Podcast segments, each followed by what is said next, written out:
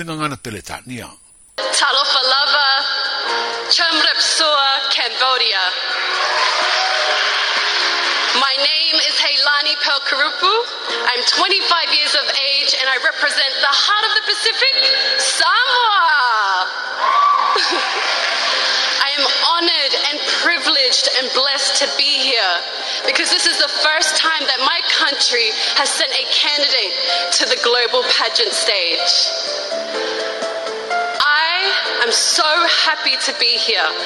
I truly believe that I'm here to empower women, especially my Samoan women, that they can achieve absolutely anything in life.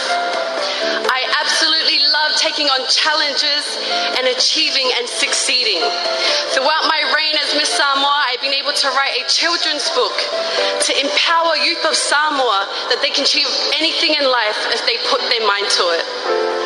I have also upskilled my talents in contemporary dancing to now dance in the sky. I am truly grateful for the blessings in my life and I'm thankful.